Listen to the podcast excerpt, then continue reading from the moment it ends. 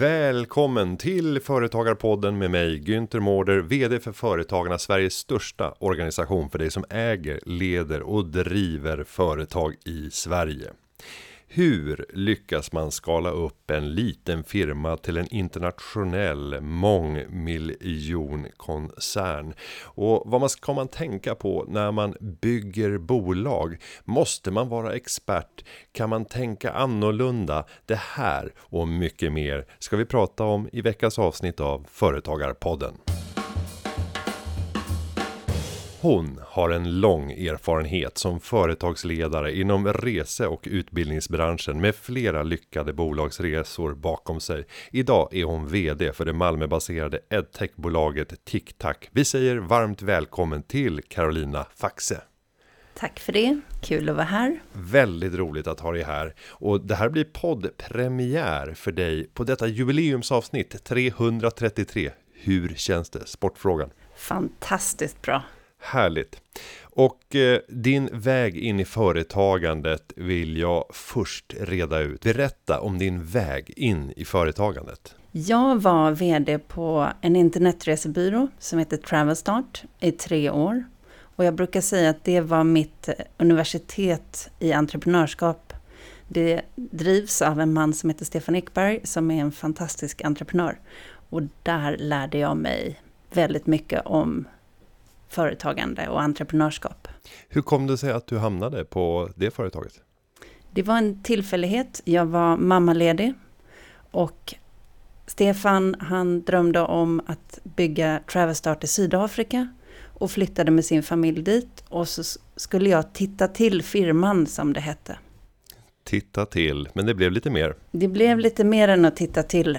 Så att eh, jag sa upp mig från Skandia, där jag tidigare var anställd, och började på Travelstart.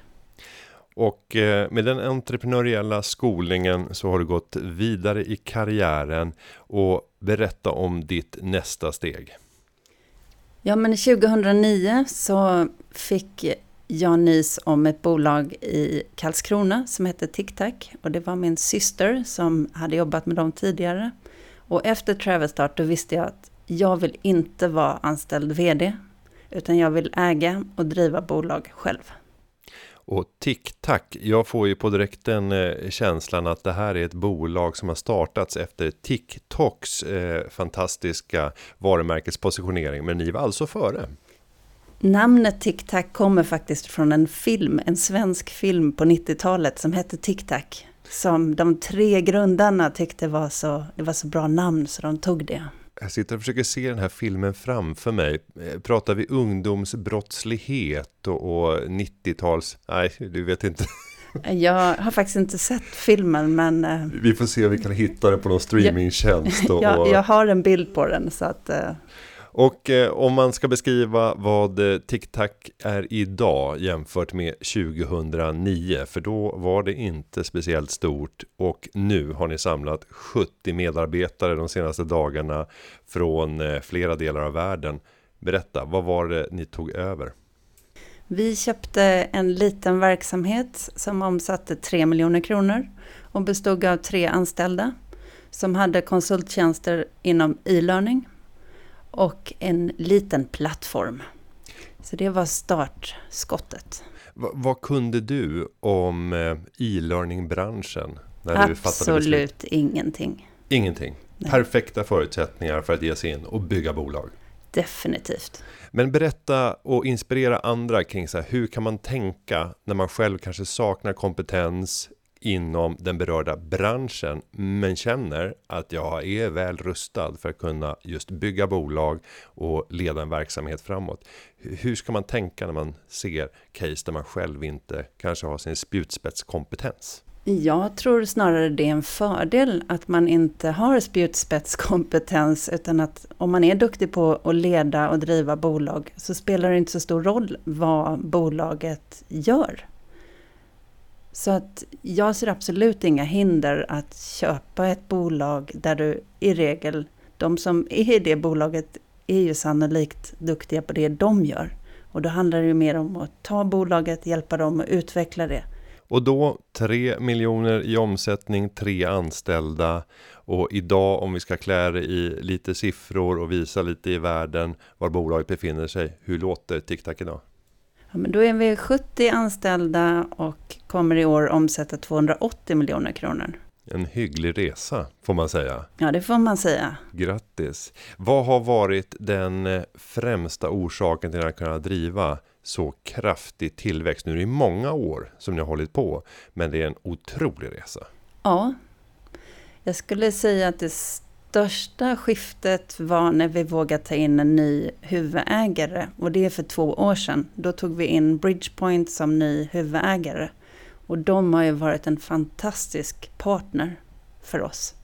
Och det är lätt att tro när man möter en framgångsrik företagare som du själv att det har bara varit en eh, spikrak resa mot framgångarna men jag misstänker att längst vägen så har det funnits inte bara tuvor eh, utan kanske ännu större saker som har hållit på att skälpa hela lasset. Eh, när har det varit som motigast och tuffast om du ser tillbaka på den här framgångsresan? Ja, men 2012 då hade vi det riktigt tufft. Då var vi nästan konkursmässiga. Men vi lyckades lösa det. Eh, vår styrelse gick i personlig borgen gentemot banken och vi hittade en ny investerare. Och sen hade vi lite flow och det kom in affärer och så löste det sig. Och hur var känslorna då? För i de där lägena så blir man ju eh rätt stressad misstänka när man ser att allt det som jag spenderat min, mitt vakna dygn på de senaste åren ser ut att kunna skälpas. Minns du känslorna?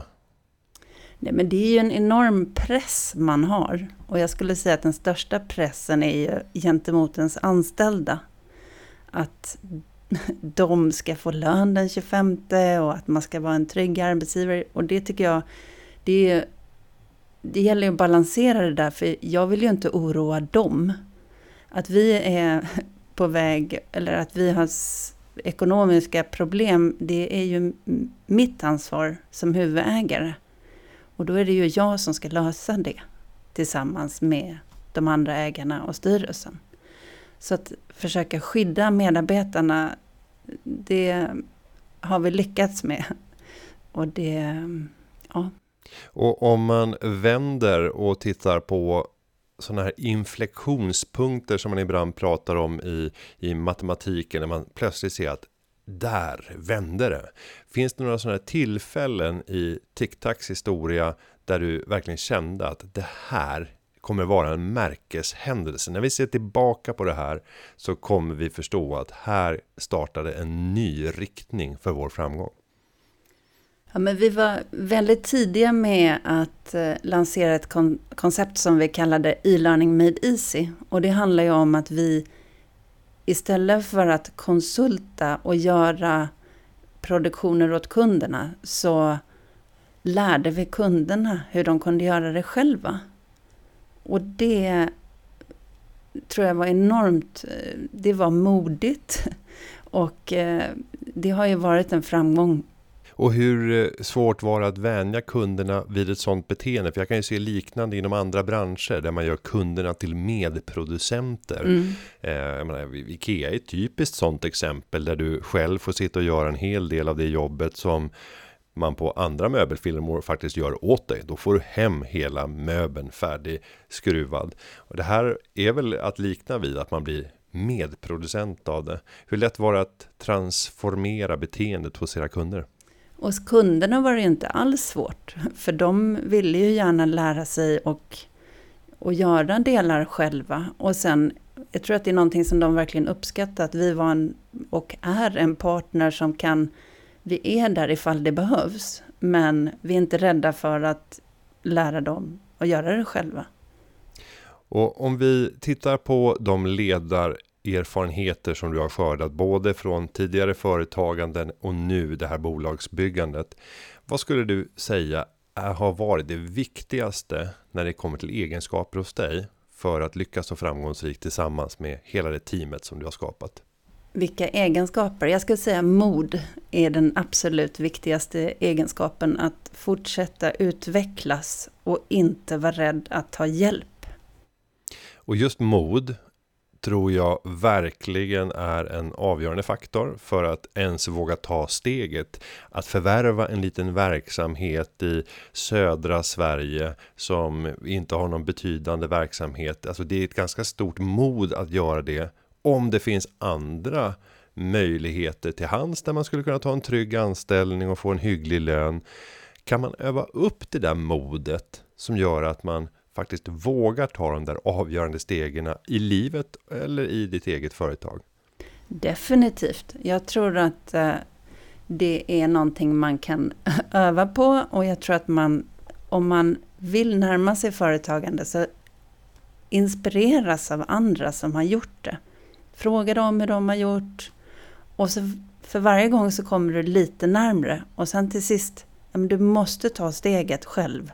Det är ingen som kommer göra det åt dig. Men du kan få massa hjälp runt omkring. Och där säger du någonting som jag håller med om väldigt mycket och det handlar ju om när man ser andra i sin närhet och som man gärna ska kunna relatera ganska djupt till våga göra saker som man själv inte vågar. Då föds i alla fall jag av en tanke att om den personen kan då borde jag också kunna. Att det nästan är ett bevis här.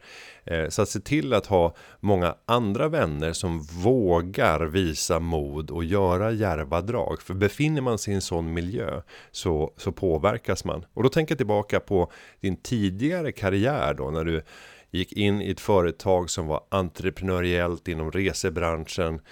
Hade du en en modskolning om man ska skapa ett nytt ord. Blev du skolad i att eh, vara modig redan i den, den eh, resan? Definitivt. Och jag utvecklades jättemycket som ledare på Travelstart också. Och vi hade ju en enorm tillväxt. Och det, det var den bästa, bästa skolan jag kunde få.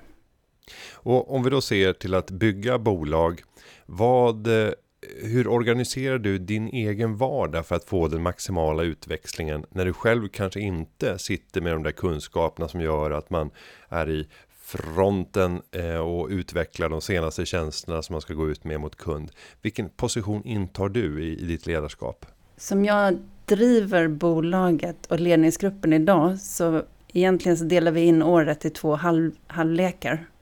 Och så samlas vi tidigt i januari, tidigt i augusti hela ledningsgruppen och så bestämmer vi oss för ett extraordinärt resultat. Vad är det vi ska uppnå? Och sen hands-on så bryter vi ner det. Och när vi gör det så är alla otroligt närvarande. Och det tror jag är en nyckel, att man inte... Jag slösar inte med min tid och jag slösar inte med min energi.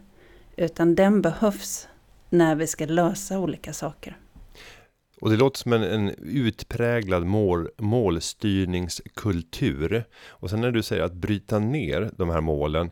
Hur eh, långt ner kan man bryta ner dem? Pratar vi sen på veckobasis ner på enskild individ vad man ska åstadkomma för att lyckas ta sig fram till slutmålet? Eller var går gränsen för uppbrytandet av de här målen? I ledningsgruppen så handlar det om att vi alla vet vad allas prioriteringar är och vi har köpt in i det. Och det gör ju att vi backar varandra i det. Sen måste ju alla i sitt team bryta ner det ett, ett varv till. Men, men de detaljerna behöver ju inte jag veta, utan det känner jag mig trygg med att var och en löser med sitt team. Och om man ser till en verksamhet som man till 100% kanske som företagare själv äger och kontrollerar, själv är operativ vd, då har man ju också full frihet att eh, besluta och att driva bolaget precis på det sättet som man önskar. Ni har ju misstänker då ända sedan 2012 haft externa intressenter och nu, nu en ny huvudägare till och med om du ska beskriva vad som har hänt i den resan, vilka är fördelarna och finns det några nackdelar med att, att ta, ta in externa ägare?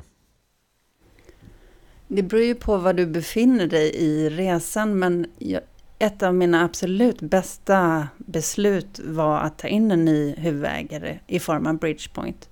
vi hade aldrig i vår gamla konstellation kommit dit vi är idag utan deras erfarenhet och muskler. Och, och, så att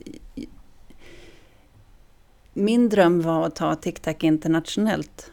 Och jag kunde inte drömma om att det skulle gå så fort. Och jag tror inte Bridgepoint heller eh, kunde se det framför sig. Men jag menar på ett år så gjorde vi ju två förvärv. Mm. Um, så att, uh, och, och vi, även i styrelsearbetet, så är vi också ett team med mycket transparens. Jag brukar säga allting är ju vad det är. Och om vi alla ser samma verklighet, då kan vi lösa saker mycket fortare. Så det är någonting som genomsyrar TicTac, transparensen gentemot styrelsen och även ledningsgruppen, hela, hela firman. Och om man då tar de där egenskaperna som du sa, eh, erfarenheter och muskler bidrog de med. Vad har varit det viktigaste i det perspektivet? Är det deras kontaktnät eller deras sätt att kunna närma sig nya förvärvsobjekt? Eller är det deras finansiella muskler? Vad har varit de viktigaste delarna om vi pratar om de två delarna, erfarenheter och muskler? När man ska göra förvärv så bara att de är huvudägare ger en enorm trovärdighet gentemot marknaden. Och sen hur det fungerar i praktiken när vi har gjort de här förvärven, då är det ju jag som tar de initiala mötena, kanske till och med förhandlar. Och sen, sen vet ju alla att det är Bridgepoint som bestämmer. Så att vi har liksom använt det, det där eh, framgångsrikt skulle jag säga. Och, och sen i, när man ska göra företagsförvärv med en partner som Bridgepoint, då, ja men, då måste man göra en DD-process, den är rätt tung. Och, och den processen skulle jag aldrig mäkta med själv. Och då ska vi säga en, en DD-process eller en due diligence, en genomlysning där man egentligen ber att få ta del av alla eh, viktiga avtal, dokument som på olika sätt kan säkerställa att det som synes vara på ett visst sätt är på ett, ett visst sätt. Och det, det krävs ofta oerhört mycket arbete, en hel del jurister som kopplas in för att granska allting. Och sen skulle jag också säga att gå till banken med en huvudägare som Bridgepoint eller att gå dit själv, det är ju två helt olika mottaganden. Och en stor skillnad där när man har en ägare som inte är operativt eh, inblandad utan är en finansiell men i styrelsen engagerad ägare.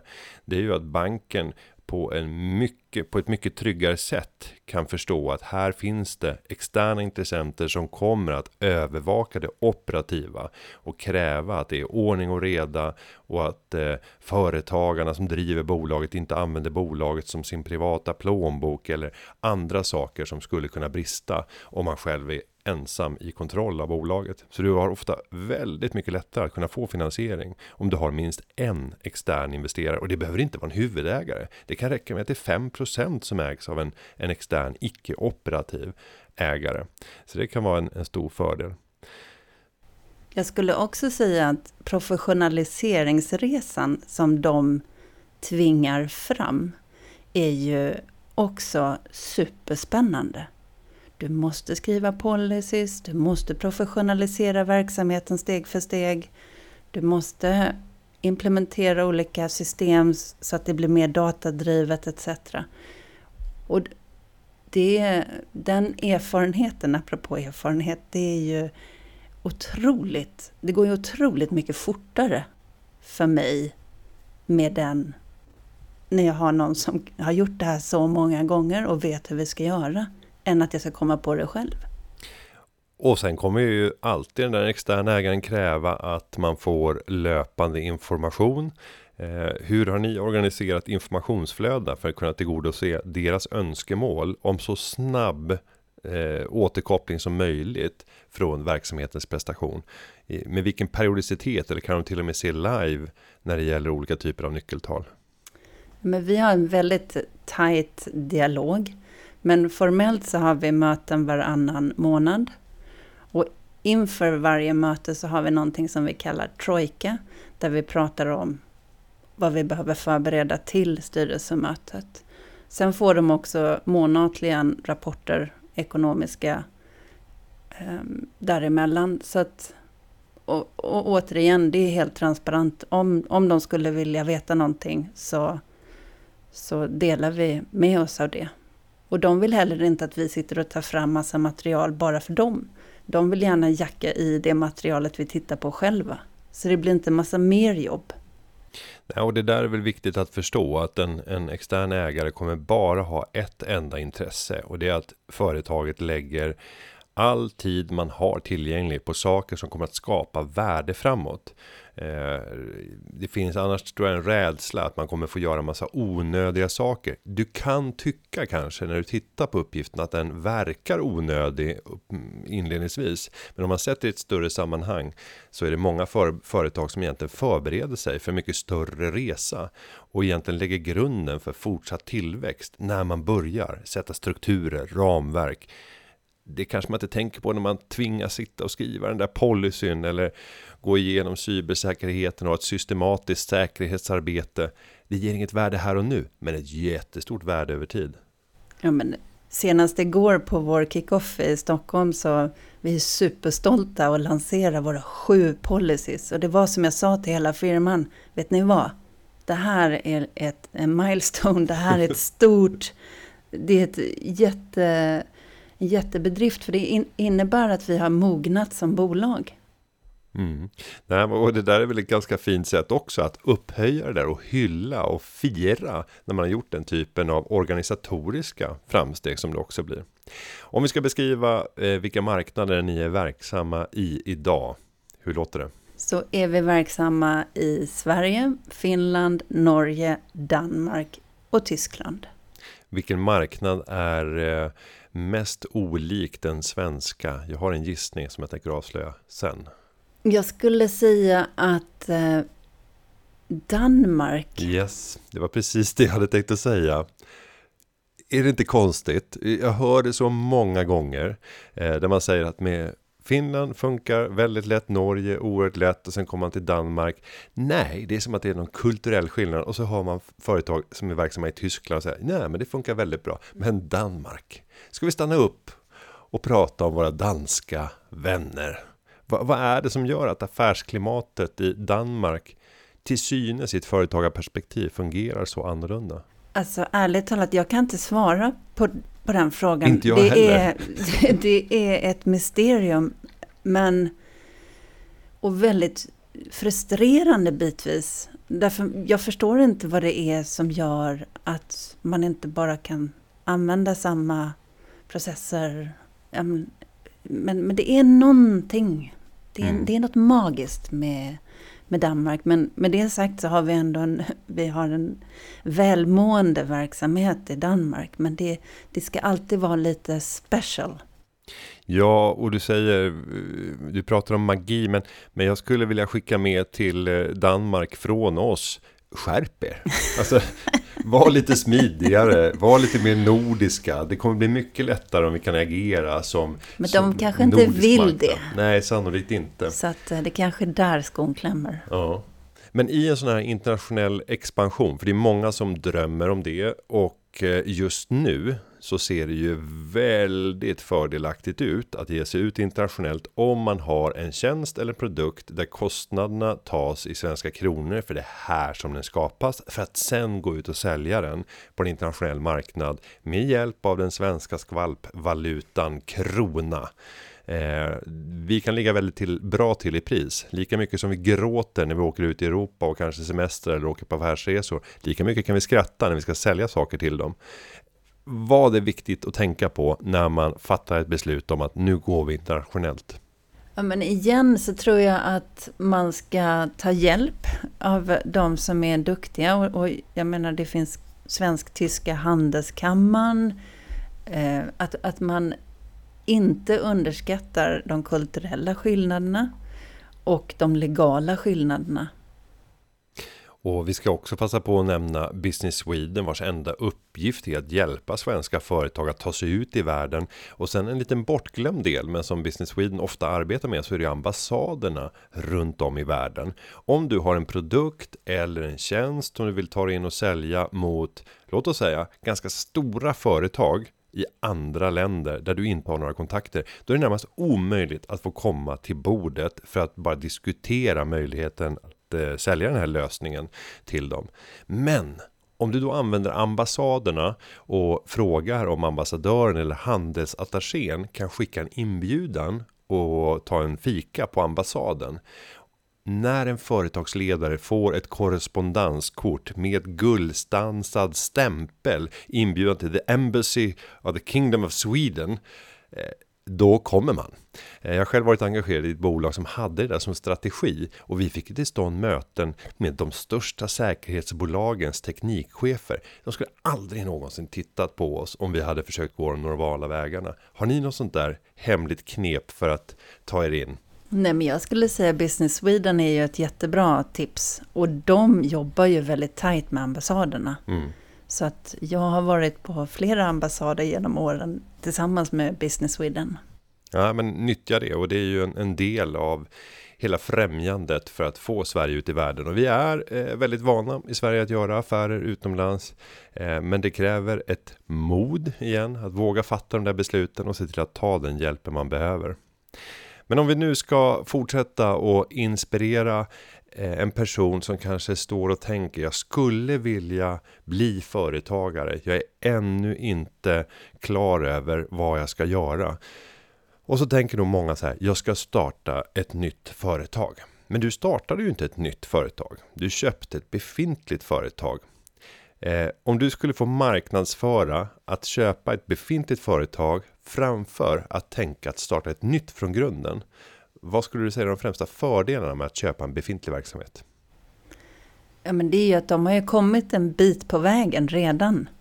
Och så handlar det ju lite om vilken plånbok du har själv, hur långt de har hunnit på resan, för det brukar bli dyrare längre fram.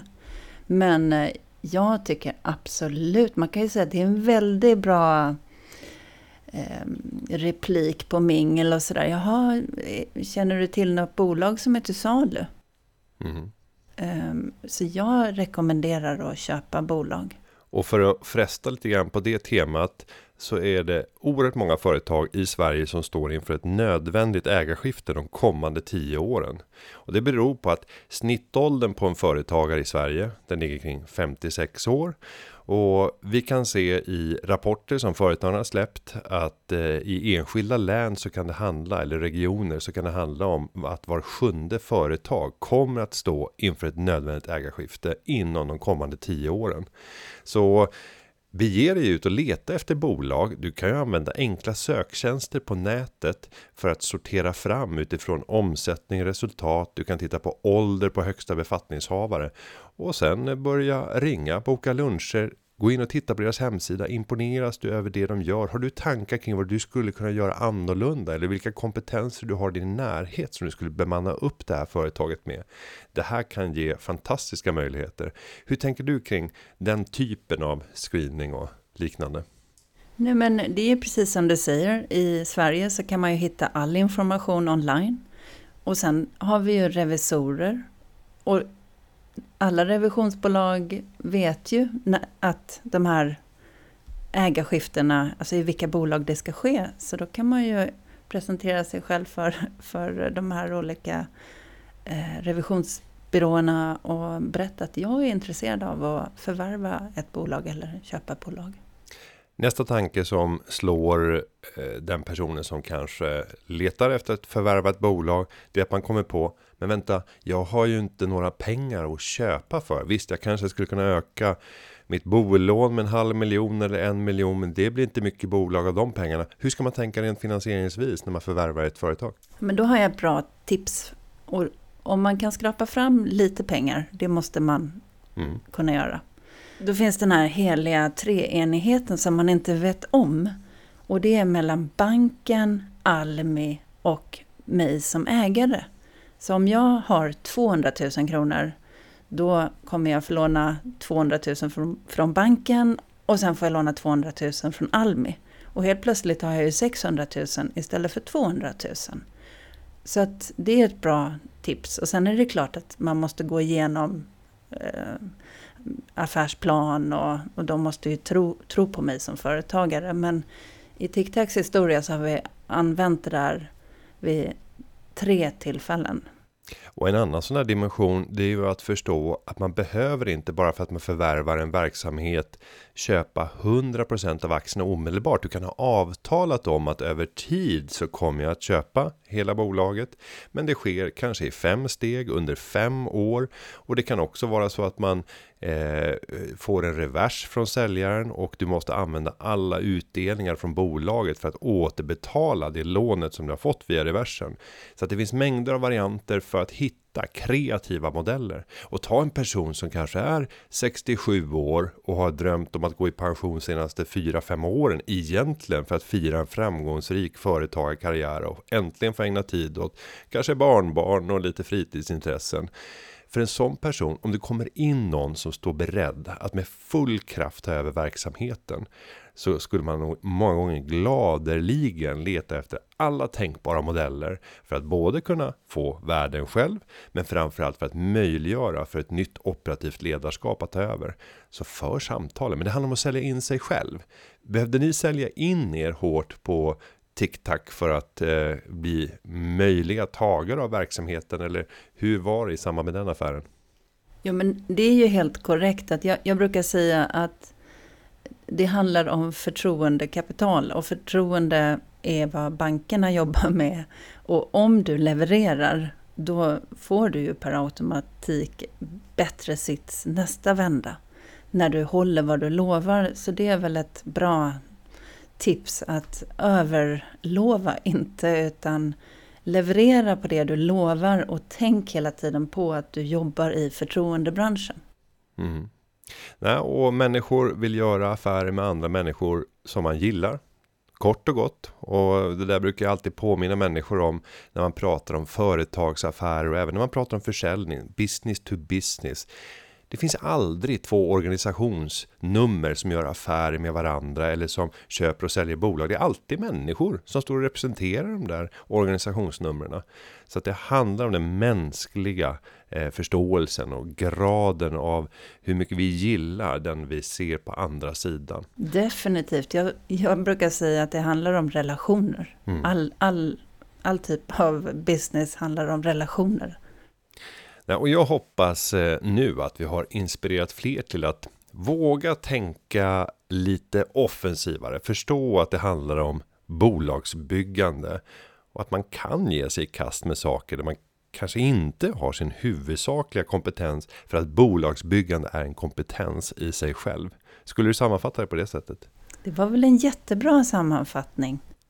Och eh, med det så tänkte jag passa på att göra en shoutout så får vi se om du vill göra någon ytterligare shoutout till eh, hösten här senare när det har blivit kallt ute så kommer ju jag att gå vidare från företagarna och då kommer jag likt Carolina att leta efter bolag där jag kan ta en ägarposition på mellan 10 upp till 30% för att kunna engagera mig och leda bolaget mot nya framgångar. Tanken är inte att kasta sig in i det operativa men att kunna vara en coach, kunna organisera ett styrelsearbete, kanske göra en resa mot en potentiell notering Även om det kanske inte blir det.